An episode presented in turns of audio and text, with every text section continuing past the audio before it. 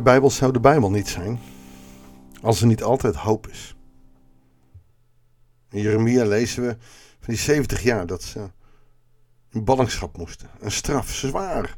Mensen die zouden in Babel sterven en niet meer teruggaan omdat ze te oud waren. Geen hoop en geen toekomst meer. Tenminste, dat lijkt zo voor mensen. En toch, telkens weer is het die maar bij God. Die toekomst die hij geeft. Natuurlijk moet je je straf uitzetten. Je bent zonde geweest, maar ik. Ik blijf trouw aan jou. Het volk kan mij verloochenen, ik moet ze verloochenen. Het volk kan mij ontrouw zijn. God zal het volk nooit ontrouw zijn, want hij kan zichzelf niet verlogen. Hij blijft trouw aan zijn volk, dat niet trouw bleef aan hem. En je kan het zielig vinden, die 70 jaar. Want in deze tijd houden we niet van straffen. Het is allemaal niet eerlijk en je moet 70 jaar was niks op die eeuwigheid. Was een straf die ze verdienden. En God geeft genade. Goeiedag, hartelijk welkom bij een nieuwe uitzending van het Bijbels Dagboek. In Jeremia 31, waar we inmiddels balans zijn. Hoofdstuk 30 was afgelopen weekend. Jeremia 31 zien we als het ware het paarse evangelie tot bloei komen. Dat kan helemaal niet, want Jezus was er nog niet. Maar het paarse evangelie, puur zand. Dit zegt de Heer. Jeremia 31 vers 2. Het volk dat aan vernietiging ontkomen was, ervoer in de woestijn mijn goedheid. Ik ging Israël voor en gaf rust. Van ver is de Heer naar mij toegekomen en ik heb je altijd lief gehad. Mijn liefde zal je altijd vergezellen. Ik breng je weer tot bloei. Je zult weer dansen en lachen en de tamborijen laten klinken. Op Samaria's bergen zullen je wijngaarden planten en mogen eten van de eerste vruchten. De dag breekt aan dat Efraims de wachters op de bergen zal roepen: Kom, laten we op weg gaan naar de Sion, naar de Heer, onze God. Proef je de pure zegening, de pure genade. Het gaat goed komen. God profiteert. Het komt goed. Dit zegt de Heer. Juich van vreugde over Jacob. Ze zit in ballingschap. Ze zit in Babel. Jubel aan het hoofd van alle volken. Roep het uit. Zing een lofgezang. De Heer heeft zijn volk gered. Je, je hoort hier als het ware de Black Gospel Choir. Go down Moses, way down in Egypt's land. Dat zongen ze in de katoenplantages. Want God zal redding bieden. Weet je wat de slavernij er bovenop geholpen heeft? Dat was God. Want ze hadden hoop. Ze wisten dat er vrijheid zou komen. De Heer heeft zijn volk gered en wat er van Israël nog overbleef bevrijd. Ik laat hen uit het noorden terugkeren en breng hen samen de einde der aarde.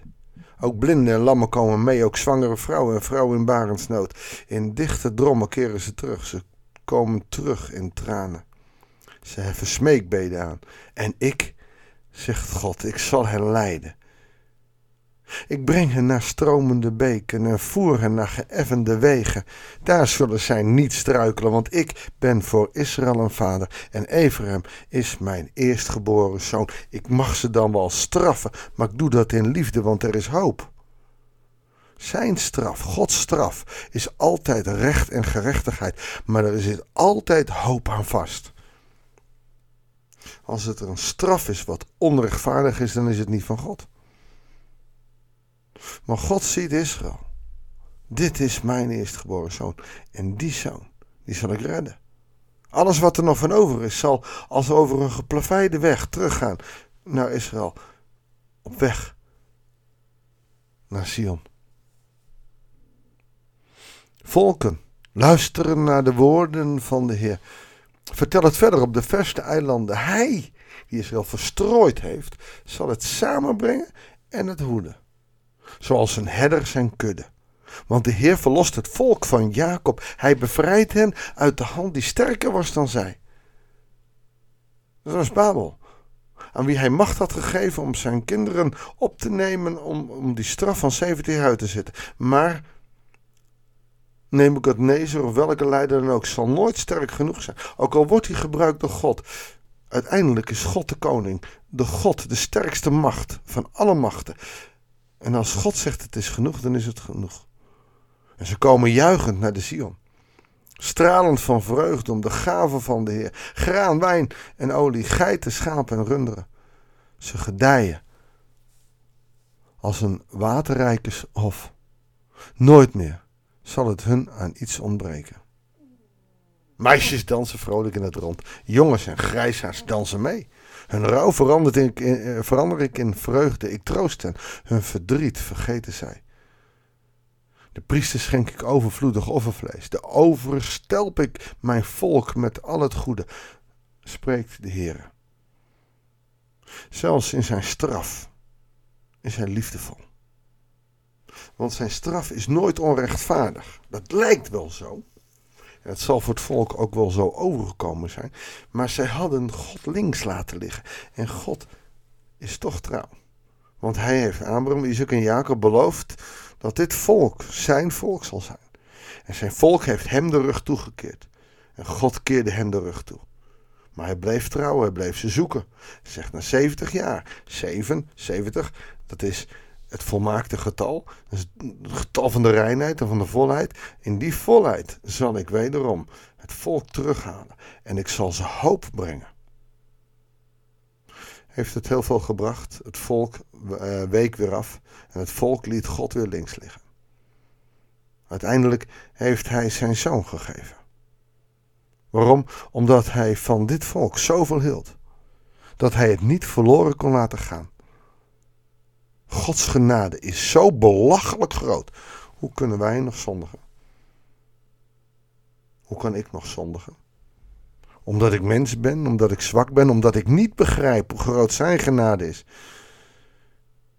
En die, die genade, de diepte, de hoogte, de, die zouden we ons moeten toe-eigenen.